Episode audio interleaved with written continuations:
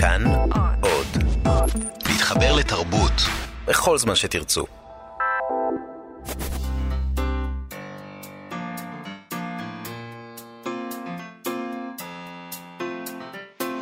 מה שכרוך.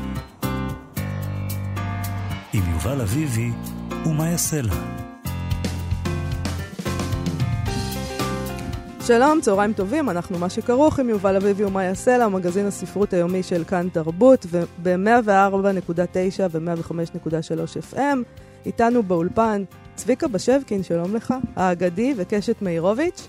אה, וגם היום אה, שלושה ממועמדי פרס ספיר לשנת 2018 איתנו באולפן.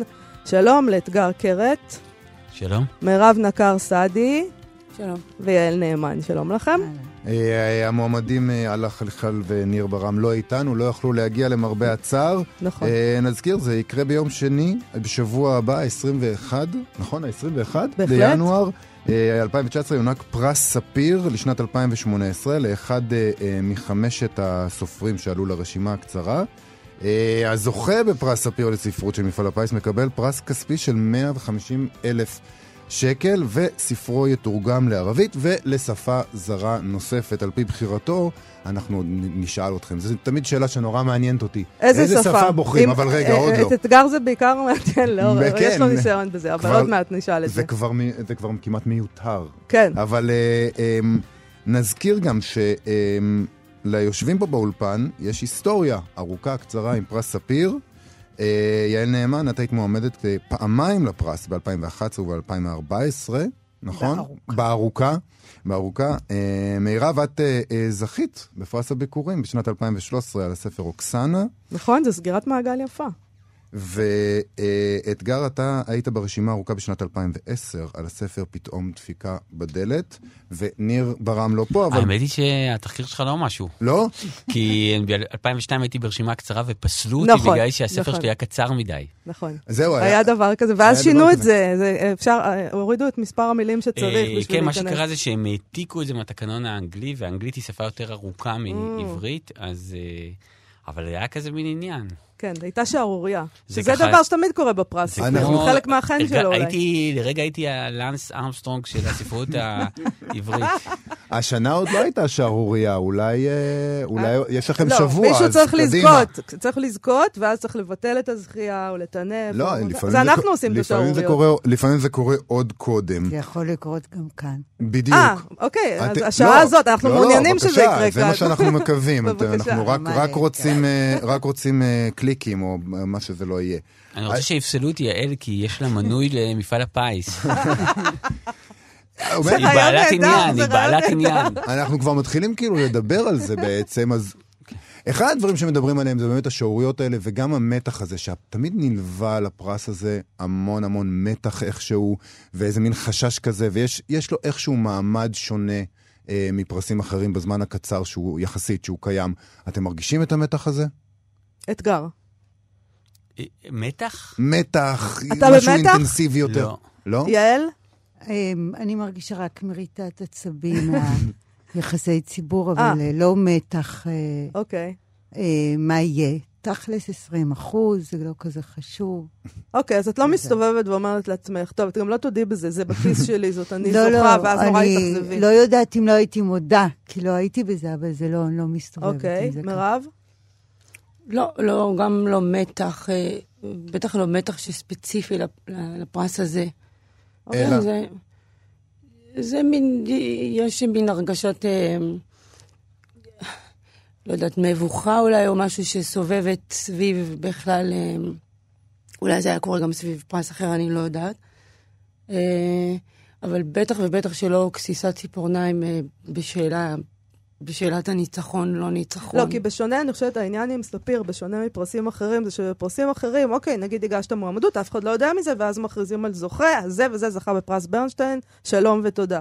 פה אתם אמורים לבוא, ואתם יושבים, חמישה אנשים ישבו בקהל, ועכשיו יכריזו על הזוכה, ואתה יושב שם, ואנשים מספרים על זה תמיד, שזאת חוויה לא נעימה.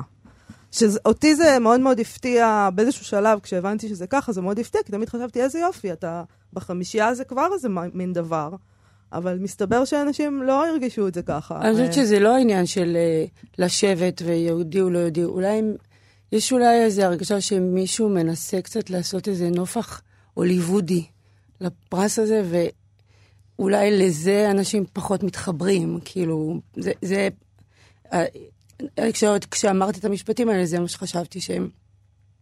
אם אני מדייקת, זה הדבר שקשה להתחבר אליו. לנופח ההוליוודי, ל- ל- כן. לזוהר כן, זה, לא, זה כמו המעושה, כאילו. באוסקר, כן, כאילו לבוא שהמצלמה מצלמת כן. חמישה מועמדים, ועכשיו אבל אנחנו נראה. והאוסקר הוא האוסקר, ספיר זה האוסקר שלנו. ספיר הוא האוסקר שלנו? לא יודעת. אוקיי, יש לי לא. איזו שאלה מעניינת אם אה, תדעו, כי אני חושבת על זה הרבה, אמנם זה, אולי זה לא המקום שלכם, אבל דווקא אית- איתכם מעניין לדבר על זה, לדעתי. תמיד יש סביב פרס ספיר את המסתורין של השופטים. מי השופטים? אה, ואני, ואני, אה, אוקיי, אנחנו לא יודעים את זה, אבל אני תמיד תוהה מה אפשר ללמוד על השופטים מהבחירות שלהם, מה, בחמש, ב, ב, ב-12 ועכשיו בחמשת המועמדים. כי אפשר ללמוד עליהם משהו מזה, לא? יעל נאמן. אה, לא יודעת, זה גם, זה כבר איזה מטריצות כאלה של שקלולים, כי יושבים חמישה, זה חמישה, נכון? אה, לא, אני חושבת שיש שבעה. שבעה אנשים עם טעם שלהם, וגם הדינמיקה, כי זה גם עניין של פשרות, אם לא מסכימים, אם זה על גופתי המתה, או אם זה, אני לא יודעת איך זה הולך, לא הייתי ב... כן, יש כזה על גופתי המתה אז, לפעמים. אז, אה, אז מתחלפים עם הגופתי מתה, גופתי מתה, וזה יוצא מין משהו שאין לו, אין לו גם באמת ניחוש, ואין לו, והכל הכל בסדר. אין, אה, אין לזה גם תשובה אחת. זה... נכון, אין לזה תשובה. אז זאת אומרת, זה- אנחנו- כשנראה מי מי השופטים, אז אולי נוכל להגיד בדיעבד. אבל- לך יש אתגר, איזה מושג? לא, אבל מה שרציתי להגיד באמת לגבי פרסים, שבארץ מדברים על... אני לא הייתי, חוץ מהספיר הזה שנפסלתי, ושזה אנקדוטה משעשעת, אז לא הייתי מועמד או זכיתי בפרסים ספרותיים בארץ. נכון. חוץ מפרס ניומן, אתה- תמיד לא, לא שוכח ישראל, אותו. הוא אמריקאי. הוא מחולק בבר אילן. כן, אבל הוא אמריקאי. אוקיי. אז, אה, אבל, אה, אבל אה, מה שאני יכול להגיד זה שבפרסים תמיד יש איזשהו משהו שרירותי ומועיל. זה כמו באמת כאילו לקבל איזה פרס, מ... לקבל צ'ק מאיזה דודה שאתה לא ממש מכיר. זה, אה, כי זה באמת עוזר, זה חושף את הספרים לקהלים חדשים, ו... אבל, אבל בת, בתכלס באמת אנשים נוטים לייחס לו, לדבר הזה חשיבות אובייקטיבית. עכשיו, ששירה ואני עשינו את מדוזות, אז הוא באמת, אז הוא זכה בפרס מצלמת הזהב, שזה פרס מאוד מכובד, זה ג'ים ג'רמוש זכה בו על הסרט הראשון שלו. זה... אבל בתכלס אני פגשתי אה, את אח- אחד האנשים שהיו בחבר השופטים, פגשתי אותו איזה שנתיים אחרי זה, והוא סיפר שבעצם היה שם אה, אה, במאי רוסי שרצה שמדוזות יקב- יקבל הס- את הפרס, ובמאי בריטי שרצה שסרט של סטיב מקווין, שהוא עשה את ג'וי דיוויז'ן, שסטיב מקווין הוא באמת אחד הבמאים הגדולים והמוכרים. והמוצלחים, אה, אז הוא רוצה שסטיב מקווין יקבל, והם שניהם התווכחו, והיה תיקו, והם לא הסכימו, והבריטי אמר, בוא נעשה הפסקה, נלך, נאכל צהריים, ואז נחליט. ואז הרוסי אמר, אף אחד לא יוצא מהחדר עד שמחליטים. ואחרי רבע שעה, אז הבריטי אמר, נו טוב, אני רעב, אז תיתן את זה, לה, תיתן את זה להם, והם הלכו. עכשיו באמת, כאילו, בסופו של דבר קיבלנו את הפרס רק בגלל שהבמאי היה רעב. הבמאי הבריטי היה רעב. לא, והרוסים, וה- הם- יש להם נפש. רוסית כן. עקשנית. כן. אז באמת, אז באמת, אני, המסקנה היחידה שאני צריך להיחלץ מזה, שאם אתה נמצא, עומד מול חבר שופטים בינלאומי, אז כדאי שהרוסי יהיה בעדך. אבל, אה, אבל אה, זה באמת, מה זה אומר? זאת אומרת, אם, ה- הבריטי היה גרנולה בר בכיס ולא היו מקבלים את הפרס, אז הסרט שלנו היה פחות טוב או יותר טוב, זה לא... בואו נדבר. רגע על, על הרשימה. יש, מירב, יש איזו תחושה אולי באמת, לא נדבר על השופטים, אלא על הבחירות שהם עשו. יש איזו תחושה, זו הייתה תחושה שלי גם כשראינו את ה-12, אה, של גיוון נורא גדול, שכאילו מה שהדריך אותם, את השופטים האנונימיים האלה, זה איזשהו צורך לענות על איזשהו, אה, איזשהו מגוון ישראלי ככה. מאוד מאוד, אה, ש- שלא, שלא יהיו קולות אה, אה, שלא מקבלים ביטוי. אתם מרגישים את זה? את מרגישה את זה, מירב? אולי ברשימה ארוכה יותר. כן? אני, אני לא, לא נופלת מהגיוון, סלחו לי, כן, ברשימה לא, קצרה. תגידי מה שאת חושבת. למה? מה זאת אומרת? על איזה גיוון? בגלל שיש ערבי ומזרחית, כאילו? זה גיוון? קיבוצניקית בין לניצולי שואה. זה- זה- זה- כיף, זה ה- זה זה הדבר. תשמעי, שוב, יש שם- יש איזו נטייה אה, לנסות אה, אה, באמת לתת ייצוג לכל הקולות. יכול להיות שבאמת עושים את זה כאיזה סוג של עלה תאנה, יכול להיות שזה, עובד, שזה נהיה ככה. ולתת אה, אה, שוויון אה, משקלי ב- במגדר, שיהיו, שלא יהיה... אני דווקא לא הרגשתי ככה לגבי הרשימה הזאת. לא? לגבי הארוכה ולא לגבי הקצרה. אני מאוד הופתעתי, אני חושבת שהיא רשימה מאוד מקורית. אה, היא מערבבת בתוכה גם דברים אה, פחות מוכרים, גם דברים מוכרים, נגיד כמו אתגר, אבל כאלה שהם אה, לא זכו אף פעם בפרסים. אה, אתגר קרת הוא, הוא כאילו אחד הסופרים הישראלים הכי מצליחים בעולם מצד אחד, ומצד שני, הישראלים אה, לא כל כך... אה, הממסד הספרותי לא מת עליו. סליחה שאני אומרת לך את זה. כן, כן, אני יודע, אני- זה אני- בסדר. אתה יודע את זה, אוקיי, אתם, לב. אתם אז, הופתעתם? אז הממסד הספרותי הזה, שהוא עכשיו פרס ספיר, כן. כן. עשה איזה מין מהלך, זה קצת מוזר לומר, אבל כמעט חתרני, חתרני בלשים בלבחור שם- את אתגר בלבחור. קרת? כן, אוקיי, אני אני לא. יודע אם אני זורם עם התזה הזאת, אבל אתם, אתם הופתעתם, את הופתעת שנכללת ברשימה הארוכה ואחר כך ברשימה הקצרה? מירב. מירב? אתה צריך להגיד, אנחנו ברדיו, שידעו מי מדבר. בהחלט. מירב. אה, ברור, זה, זה לא שאני ישבתי בבית וידעתי שאני הולכת להיות ברשימה הארוכה וברשימה הקצרה, אז בטח שיש פה אלמנט של... אה, מה גם שהספר שלי יצא די בתחילת השנה, כך שעבר הרבה זמן, ומבחינתי הוא כבר היה בתרדמת אה, חייו, פחות כן, או יותר. כי ו- פה ס- הספרים הם חודשיים, שלושה כן. על המדפים, וזהו. שבוע, חודשיים, שבועיים, שלושה זה שבוע, הרבה. שבועיים, אוקיי. חודשיים, שלושה אגב, זה... לך קרה דבר- אולי אה, הפוך ממה שקורה עם אתגר, במובן הזה שאת זכית בספיר ביקורים, ושזה הישג מאוד יפה, ו... אבל אין לזה שום משמעות מבחינת מכירות וחשיפה. כלום. נכון? ממש. זה, אז זה מין דבר... זה גם מתורגם, אגב, הביכורים? לא. לא, ביכורים לא. לא. ביכורים לא. אבל לא הייתה לזה, זאת אומרת, אין לזה שום תהודה. אה, נכון. שזה גם, אז אני לא יודעת לגמרי. כבר מה להגיד על הפרס הזה במובן אבל, הזה. אבל, אבל הפרס, באמת, נניח, אה, אה, אמיר גוטפרוינד, זיכרונו לברכה, הוא, הוא אמר לי שהפרס הזה, הוא היה מאוד משמעותי ב, בחשיפה שלו לקהלים אחרים, אה, שהוא מאוד עזר לו. וואלה. אתה הופתעת? זאת אומרת, אתה מסכים עם מאיה שזה מעשה חתרני לבחור באתגר קרת ברשימה הקצרה של פרס ספיר? אני, האמת היא שלא לא, לא כל כך חשבתי על זה, זאת אומרת, אני שמחתי, אבל, אבל לא כל כך חשבתי על זה. אני באמת, זאת אומרת, אני רגיל שאני לא מועמד או מקבל פרסים ספרותיים בארץ, ואני גם באמת, אה, אומר, כאילו, שוב, בלי לפגוע בפרסים הספרותיים, אבל, אבל שמאיה אומרת, אז אה, באמת ה, ה, הממסד, אה, לא, לא יודע מה, לא מחבק אותך, אבל, אבל הרבה אנשים אה, קוראים אותך, אז זה- לי זה תמיד נראה עדיף על ההפך. אז... נכון. אז באמת זה, זה, זה הפתיע ברמה שלא חשבתי, לא חשבתי על זה בכלל, לא חשבתי שמשהו כזה יכול לקרות. ומצד שני, יעל נאמן, שהספר שלה הוא רב-מכר, הוא אולי רב המכר של השנה. לא, לא. לא יעל, אל תצטערי. לא, לא חושבת שמבחינת ספר מאוד כמויות, נקרא ומאוד לא. מדובר. אוקיי, לא, אני אז, לא מ- מתייחסת. אז מאוד מדובר מאוד לפחות, מדובר, תסכים באז איתנו? מאוד נקרא, וגם מועמד לפרס ספיר, זכית בכל הקופה, גם, ב, גם בהכרה הממסד וגם באהבת הקהל. זה נחמד בטח, לא? אמ, עכשיו תתנצל. לא, כאילו... להפך, אני... לא, אבל, נגיד, הנה, במקרה שלך, כאילו, זה כמעט מובן מאליו להיות אה, ברשימה הזאת? אה, לא, לא, גם, היינו עתיד שהיה מדובר, נכון. ומה שזה, הוא לא היה, הוא היה ברשימה ארוכה ולא בקצרה. וזהו, אז אי אפשר, באמת אי אפשר לדעת, זה נורא ברור לי שאי אפשר לדעת, וזה גם לא שאלת אה, חיים, או משנת חיים. לא, נכון. וגם אם אפשר, אם, אם אפשר היה לדעת, אז זה היה מייתר את כל התהליך. נכון, למרות שאני הייתי מאוד רוצה להיות זבוב על הקיר בדיונים של ועדות מהסוג הזה. סתם, זבוב, קטן. מה- היינו למדים? היינו למדים ש, שהבריטי רעב, ושהרוסי לא מוכן. זה נהדר, זה נפלא. אנחנו כאן תרבות, מה שכרוך, אה, תוכנית מיוחדת אה, עם אה, מועמדי פרס ספיר לשנת 2018, יאיר נאמן, אתגר קרת ומירב נקרסדי.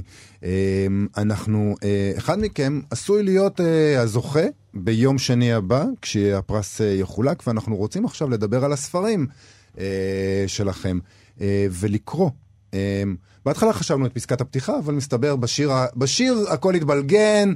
הם עושים פה מה שהם רוצים, כלשהי. ויקריאו משהו מן הספר. אה, נתחיל עם אה, מירב. אה, נזכיר, זכית בפרס אה, ספיר לביקורים לשנת 2012 על ספר הביקורים אוקסנה. אה, הספר שעליו את מועמדת לפרס הוא סמדר, שאני באופן עקבי קראתי לו בתוכנית הזאת סמדר, אני בוש ונכלם. אה, זה, זה, זה בעיה רציפה אצלי, אנחנו תמיד צוחקים עליי, אני אומר אור יהודה במקום אור יהודה, ומאיה צוחקת עליי. אז אתה סמדר אומר יצא... אור יהודה בתוכנית? זה- זה כבר הפתעה. זה- קורה, זה קורה. אז זה אתה- קורה. אתם הולכים לאכול שיחים באור יהודה? אה, אנחנו לא יכולים, אנחנו, אנחנו יותר מדי פוצים. אה, אני. אה, אז סמדר ראה אור אה, בהוצאת בבל, ונספר, נולד בשנת 1970 אה, באור יהודה. וואי, לא ידעתי את. זה. זה לא היה מתוכנן. אה, זה לא היה מתוכנן? לא היה מתוכנן. אה, וסיימת לימודי דוקטורט בסוציולוגיה באוניברסיטת קליפורניה בלוס אנג'לס. ונשמע את הפסקה שבחרת, שאינה פסקת הפתיחה. הנה. איילה פינס היא מורה, ובגלל זה היא גם לא שייכת לסוג שלהם. אבל אפילו שהיא מורה, היא לא דומה לכל המורות האחרות. היא גבוהה ורזה מאוד, אפשר לראות את העצמות שלה, והאף שלה ארוך, כאילו עשוי משני אפים. גם אין לה את הריח של המורות האחרות, וגם השערות שלה לא דומות לשערות של כל המורות. לאיילה פינס יש קוקו נמוך, ארוך ודק, עד מתחת לתחת שלה הוא מגיע, כמעט עד הברך. היא אומרת מילים שונות משל שאר המורות. למשל, היא אוהבת להגיד על הכיף כיפאק, או שהיא אומרת לתלמידים, תמיד תחשדו במבוגרים. היא מספרת לילדים בכיתה כל מיני דברים, כמו שהיא בחיים לא מוכנה להיכנס לאף בריכה, בגלל שכולם עושים שם פיפי, והאור שלה מתרחצים עם כל הפצעים נוגע במים וכל הנוזלים, היא לא מפרטת איזה, כל הנוזלים נכנסים למים של הבריכה. בגלל זה היא הולכת כמעט כל יום לים, גם אם זה חורף. היא מפזרת את הקוקו שלה ושוחה חצי שעה בים של תל אביב. כל פעם שאיילה פינס מספרת איך שהיא שוחה בים של תל אביב, בימים הרגילים של השבוע ולא ביום שבת, או בחופש הגדול, התלמידים מסתכלים עליה בריכוז, ויודעים טוב טוב שהיא מספרת על עולם שבכלל לא קשור אליהם, ושבחיים, ש, ושבחיים לא יכול ולא יהיה קשור, אפילו שהים של תל אביב לא כל כך רחוק מהמקום איפה שהם גרים. יפה מאוד. אה, את יכולה לספר לנו מה, מה בעצם הגרעין של הספר? מאיפה הוא נבט? מאיפה, מאיפה זה הגיע? מה, מאיפה בא הסמדר? שאלה, אני אף פעם לא ש- אני אף פעם לא יודעת לענות על השאלה הזאת באמת. אה, אז אולי תספרי. למי שלא קרא מי זאת סמדר. סמדר היא אה, ילדה בת 13, אה,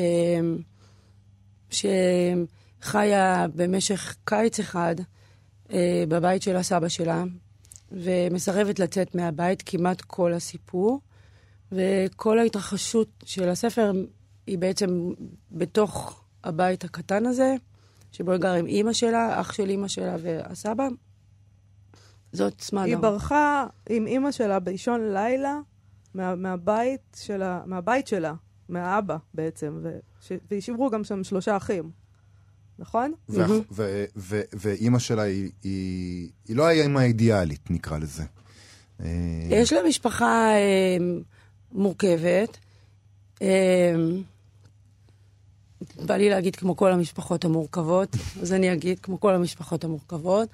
אה, אני חושבת שאם אם שואלים אותי, הליבה של הספר זה, זה האישיות שלה ומה שקורה לה, ופחות הנתונים האובייקטיביים, הכאילו...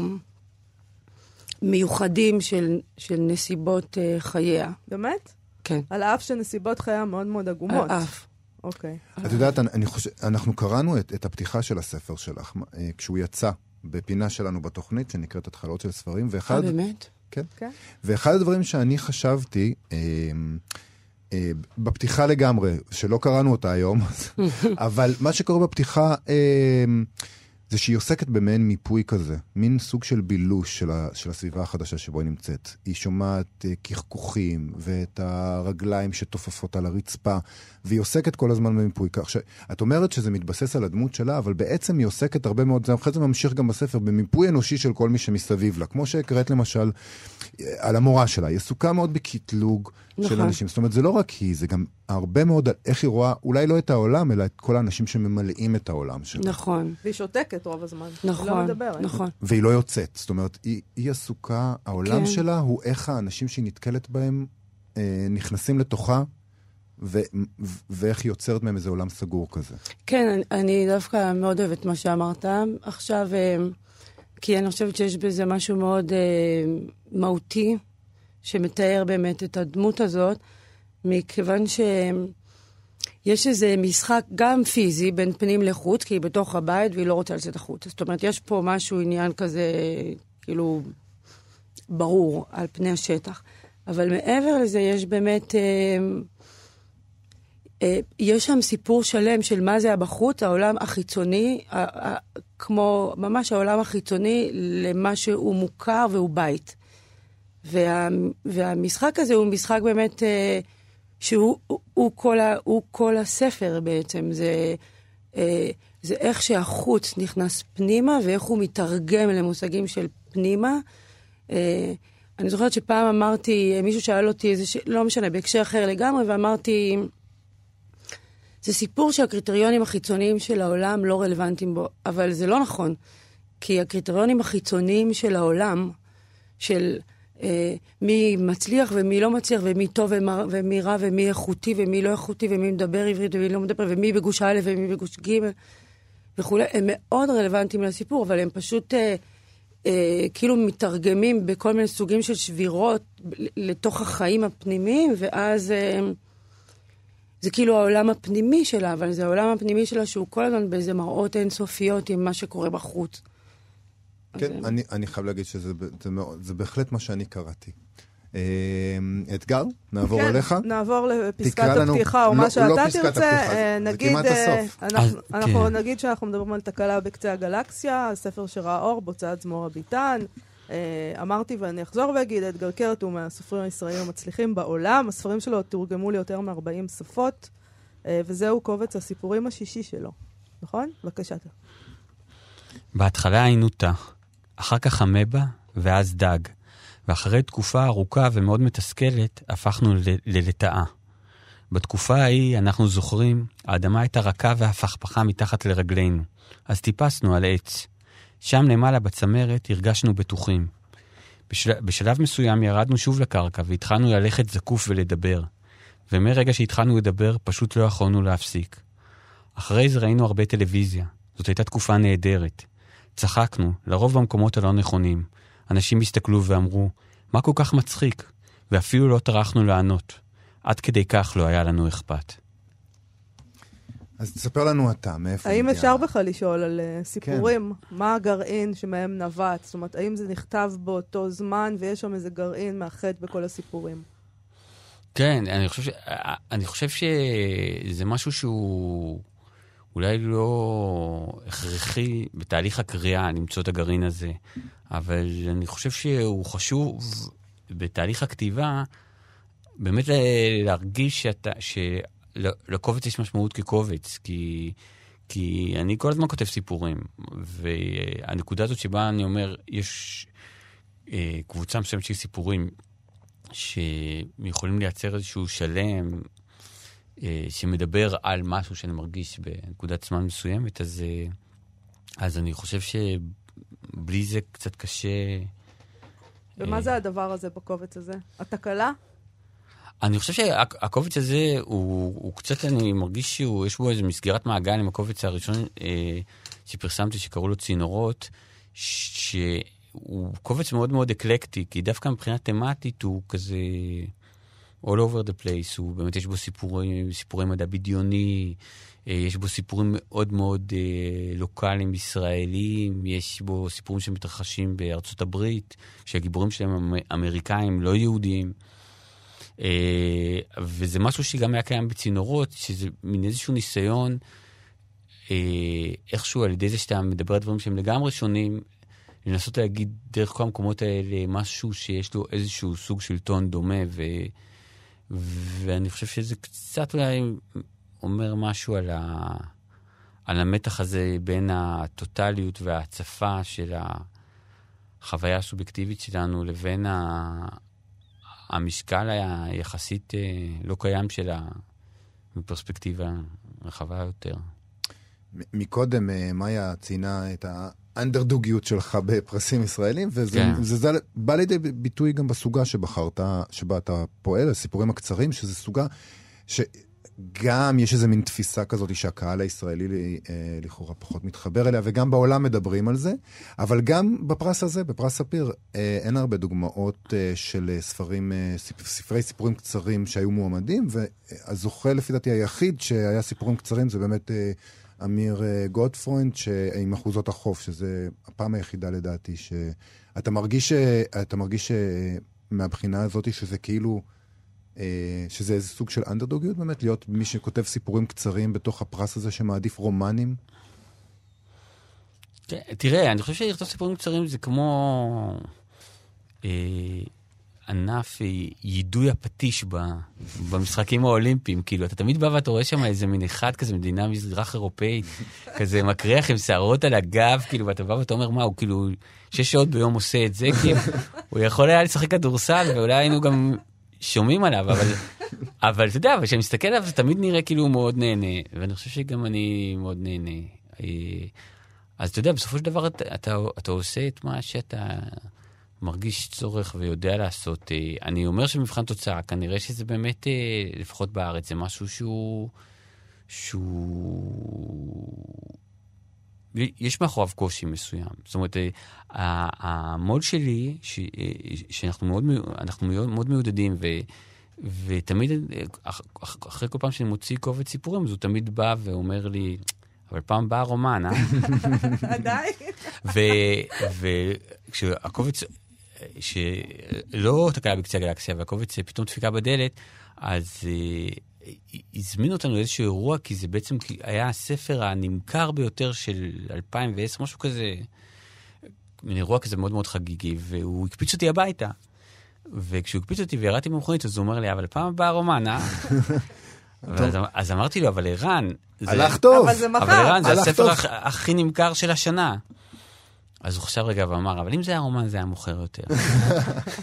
לא יניחו לך בעניין הזה. כן. אוקיי. אה, יעל נאמן? יעל נאמן. אה, אה, כן, היו הייתה, הספר הבא אה, שממנו נשמע לא את פסקת הפתיחה. אה, הספר השישי שלך, יעל, אה, בין הספרים שקדמו לו, היינו העתיד באמת, ש... אה, גם היה רב-מכר. בעצמו היה רב מכר. ועשה, עורר הרבה מאוד דיונים ו, והיה אה, באמת ספר מעולה, וגם הספר היו הייתה הוא מהספרים הבולטים שראו אור השנה. אה, דיברו על ז'אנרים חדשים, על המוסריות שלו, אה, אין ספור דיונים על הספר הזה, בואו נשמע את הפסקה שבחרת להקריא. אמ, אני מהאמצע. בבקשה. מירב הייתה מההתחלה, אדגר מהסוף. אמ, זו פסקה שהיא סוגרת את הפרק על אה, אהבת חייה של פזית. זה פרק קצר, כאורכה של אהבה נכזבת. אבל האם אהבה נכזבת היא קצרה כאורכה של אהבה שלא התקיימה בפועל, או ארוכה בלי סוף כאורך הדמיון? האם אורכה הוא אורך קיומה בעולם? האם היא נמדדת לפי האהוב או לפי האוהב? אצל פזית היא התקיימה כנראה בלי סוף, ובטח היו לה עונות שונות, עונות שונות וחיים בתוך האהבה. יש תמיד נטייה להציג באופן פגום ולקוי אהבות של נשים שלא הובילו לזוגיות וילדים, כמו אהבותיה של לאה גולדברג למשל. אבל האהבה לא מחייבת את זה. היא ניזונה מהאופן שבו חיים אותה, ויכולה להיות צמיחה ומלאה בעלילה פנימית של שנים. מי לא יודע את זה? אז תספרי לנו את.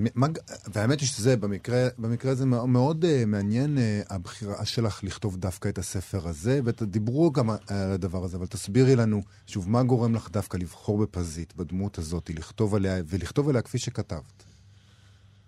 אמ, זאת שאלה, כמובן, שקשה לענות ממש, אבל uh, אני חושבת שזה היה מחולק לי לכמה, לכמה טיימינגים כאלה ולכמה דברים. הפעם הראשונה כשפגשתי אותה, וזה בבחינת, uh, כאילו, שאתה שואל אחרי זה, מה, הייתי עם רותי, חברתי, ומה עוד את יודעת עליה? פשוט רוצה לדעת עוד. כי, כי מה? כי מה כי היה בפגישה הייתה, הזאת? מה, מה סקרן אה? בן אדם אה, שישר אה, זה היה כזה שיחה של כמה דקות במפתן הדלת, ושמאוד מרגישים את החוכמה. היה לה צחוק אה, מאוד אה, חזק, ו... וכמו שאני אומרת שם, היא כאילו החוט שלה היכה בהזנחתו, והפנים שלה זהר החוצה. היא הייתה אישה מאוד גדולה ו...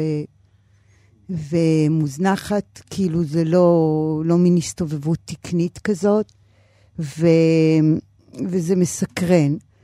היא סקרנה אותי, ואחרי זה, שנים אחרי זה, שעבדתי בהוצאת מפה, ומישהי שאכלתי את הצהריים מדי פעם, אז היא סיפרה לי על אישה שהיא בישלה לה במשך חודשים, שהיא אה, אמרה את השם המוזר הזה, פזית, אז הבנתי שזאת אותה אחת מאז.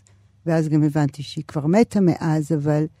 אה, אז גם כל הדבר הזה של מתן עזרה, של כאילו, מה גרם לנירית לבשל שלושה חודשים.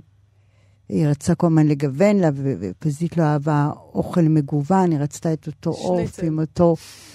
במקרה של נירית זה, זה עוף, וגם ככל שאחרי זה גיליתי עוד המון אנשים שבישלו לה, וש...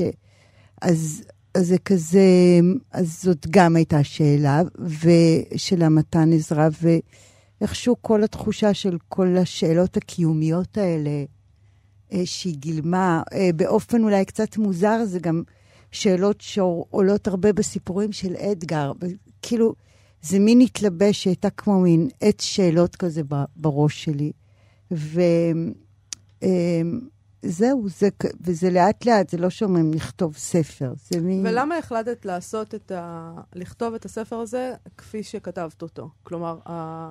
הצורה הזאת של עדויות, את יודעת, שזה לא, לא איבדת את זה לרומן, זאת אומרת, זה בחירות שלך לעשות את זה ככה. כן, אני לא, אני קודם כל לא הכרתי אותה, אז הייתי מאוד תלויה בתיאורים של האנשים, ולאט לאט זה גם נבנה אה, ככה כמו אה, רשת, ולא כמו חכה, כי זה תהליך כזה שלא באתי עם מין שאלות מסוימות, אלא גם כשהכרתי עוד, עוד ועוד, זה פשוט סיפר הרבה סיפורים.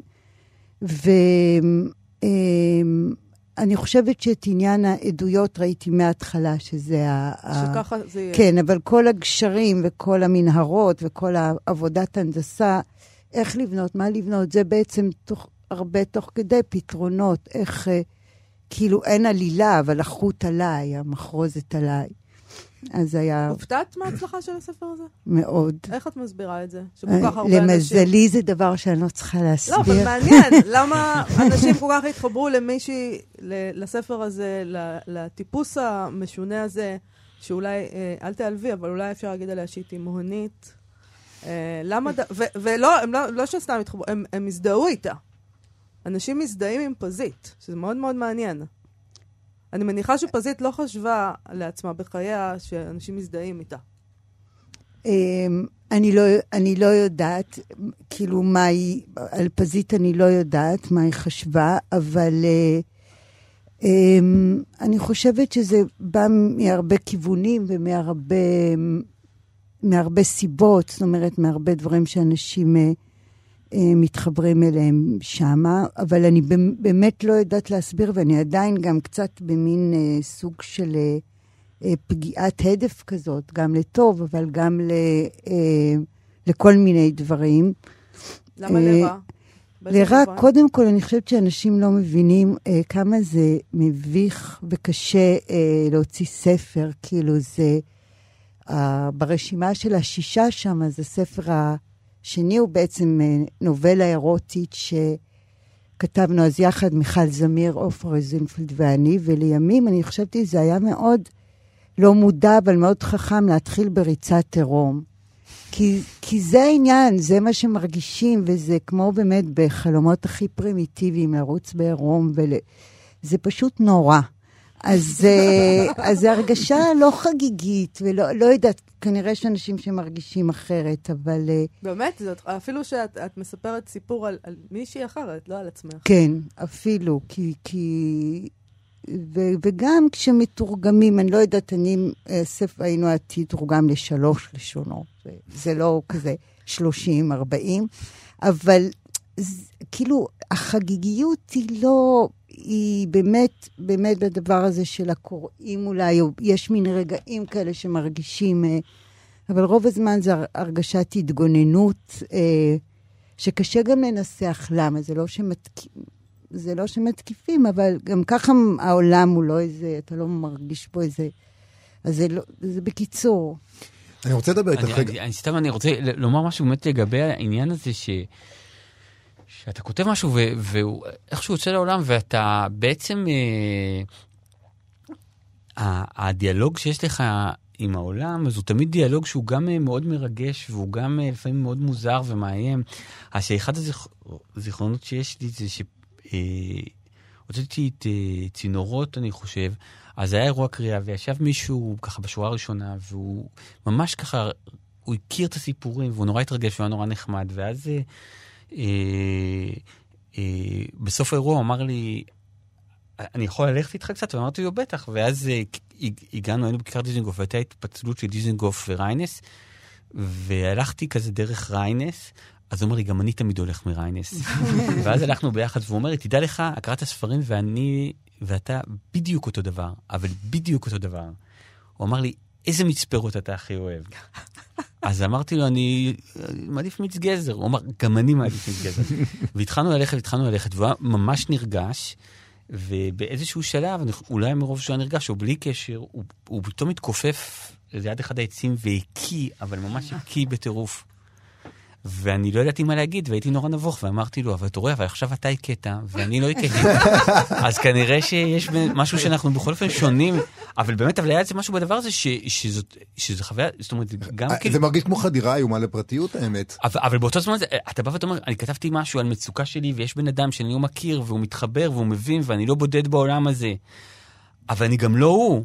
אז מה זה הדבר הזה? זאת אומרת שהוא גם מבין אותי וגם לא מבין אותי, ואני רוצה להסביר לו שהוא מבין אותי פחות, ואני שמח שהוא מבין אותי קצת. זה בעיקר uh, מאוד מבלבל. מירב, זאת החוויה שלך גם כן? את מבולבלת מההתקבלות?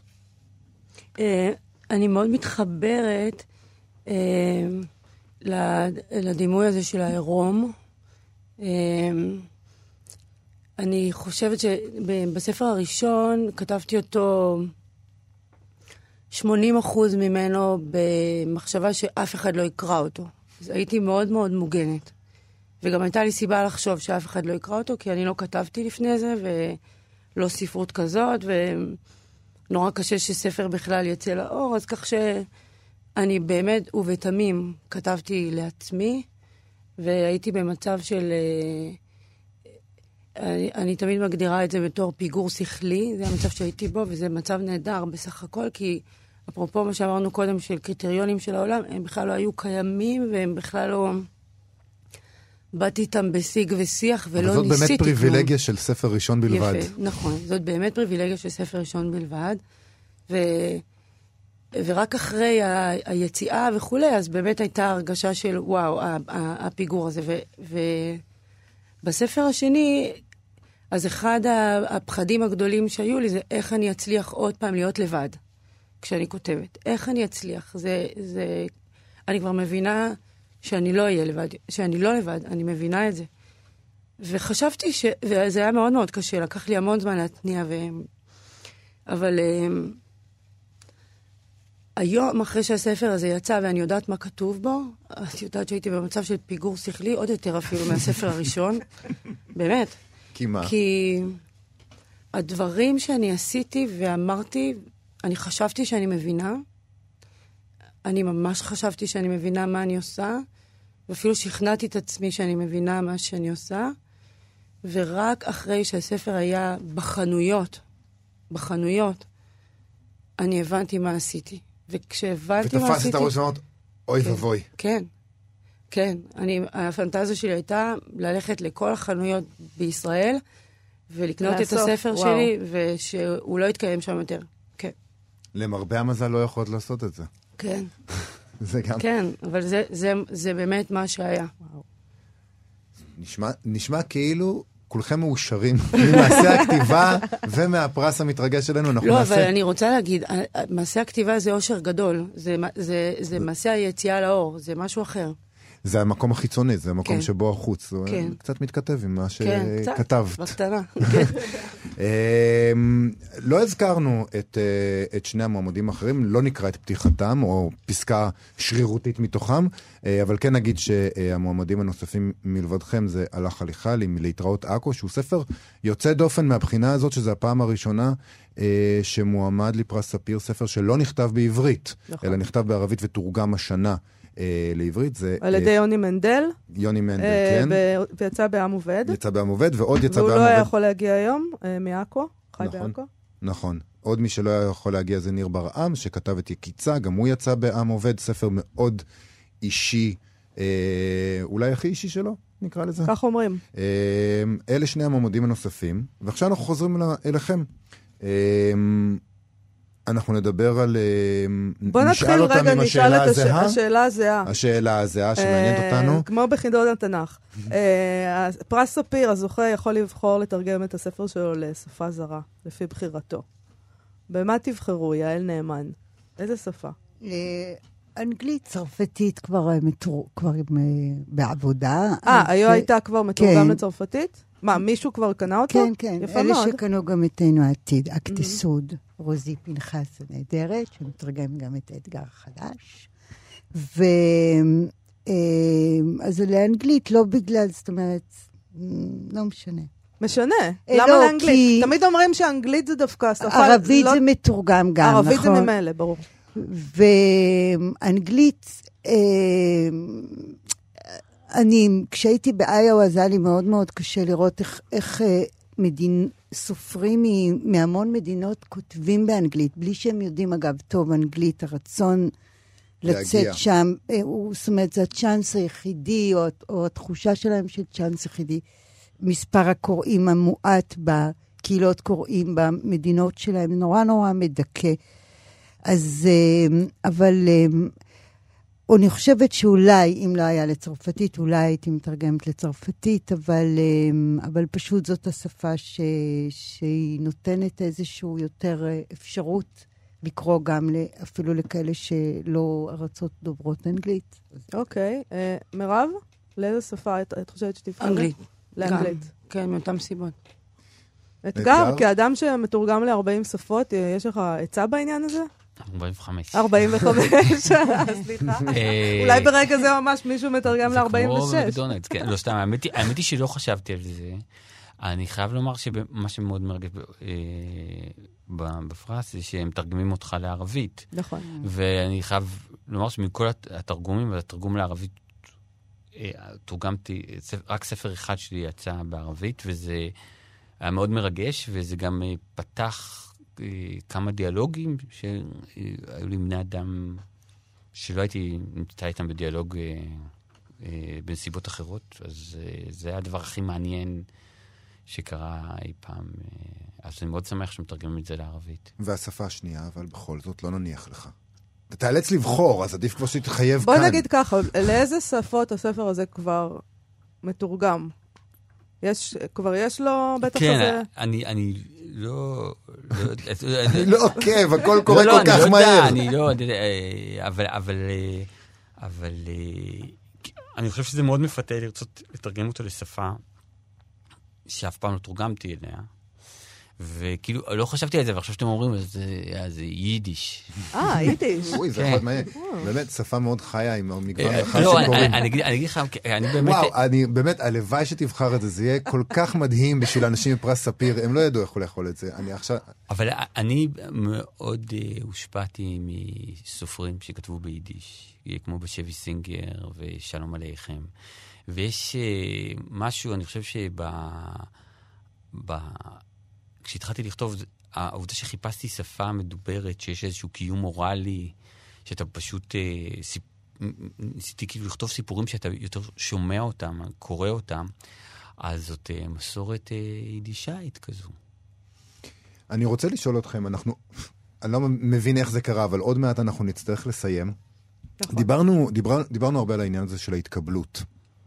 אה, על הפרסים ועל הקוראים, אבל יש עוד צד במשולש הזה, שהוא אה, צד מאוד חם ב, ב, בקהילת הספרות עכשיו, וזה הביקורות. אה, ולפני שאנחנו מגיעים לביקורות שליליות או ביקורות חיוביות, אתם, אתם קוראים ביקורות uh, שנכתבות אליכם, והרבה פעמים, אני מניח, uh, קוראים, המבקר הבין משהו אחר לחלוטין ממה שאתם כתבתם, או דברים אחרים שלא חשבתם עליהם בכלל. גם אם ביקורת טובה, כלומר, הוא פשוט... קר... זה לא מה שאתה חשבת. לא, לא, לא, לא, מה ש... לא, לא מה שהמשורר התכוון. יש חוויה כזאת? שאתה קורא ואתה לא מבין מה זה, על מה הוא מדבר? יעל? יעל? Um, אני כאילו קוראת מאוד בצורה, זה מגיע אליי נורא מאוד, אני מתנכרת, או שזה מין פחד כזה, אז אני קוראת את זה, תכלס, אין לי מושג מה כתוב שם, זאת האמת. בביקורות? כן, כן. בואו נהיה גלויים, אבל אני, אני כמובן רואה אם זה טוב או רע, אבל אני לא מסוגלת להיכנס, אני ממש ככה מאוד... Uh, קוראת את זה ממין... אה, זאת אומרת, לא משנה אם הביקורת חיובית או שלילית, אם אמרו דבר... אם זה, אמרו... א', זה סופר משנה. 아, לא, ברור, אבל... אבל uh, פשוט, uh, כמובן ש... Uh, גרועה, אתה קורא בתשומת לב, אתה זוכר כל מילה, ואתה כאילו, זה אחרת לגמרי. את הגרועה אתה קורא בתשומת לב, את הטובה לא. כן, וכל הבנתי. מילה וכל זה, ואת הטובות אתה קורא במין כזה, לא יודעת, מין... ענן של ביקורת. כן, לא ביקורת, זה מין, ניק... מין ניכור כזה, מין, מין מרחק. קורא לראות שזה בסדר וזה. אה, אני חושב ש... אני חושב ש... אה, באמת, אם הייתי מחלק את הביקורות אה, לשתי קבוצות, אז זה, יש, יש ביקורות שאתה, אה, שאתה מרגיש שמישהו מדבר אליך או אל מה שכתבת, ולפעמים הוא יכול להגיד דברים טובים, ואז אתה מאוד גאה בעצמך או, או בספר, לפעמים הוא יכול להגיד דברים לא טובים, ואתה מתבייש או, ואתה רוצה להשתנות. ויש ביקורות אחרות, שזה, שזה קצת כמו, שאתה יודע, אני יודע, אתה נוסע במכונית ואתה עוצר ברמזור, ומישהו עוצר ואומר, מי לימד אותך לנהוג יא מטומטם, הלוואי שתמות, או לחילופין, וואו, חתיך, רוצה לעלות אליה הביתה, אז אני אומר, אז אתה בא ואתה אומר, הגיע איזשהו בן אדם, והוא מאוד כועס או מאוד חרמה, ואני כאילו... נקראתי בדרכו. עכשיו, עכשיו, עכשיו זה באמת, זאת אומרת, בביקורות, הביקורות הכי, שעבורי הכי קשות, זה ביקורות שבהן אתה מרגיש שיש מישהו שרואה אותך והוא לא מרוצה. זה הכי קשה. אבל מה אם, לפני שהוא לא מרוצה, מה אם אה, אה, הוא רואה אותך והוא רואה משהו שאתה בכלל לא ראית? כן, זה קורה המון.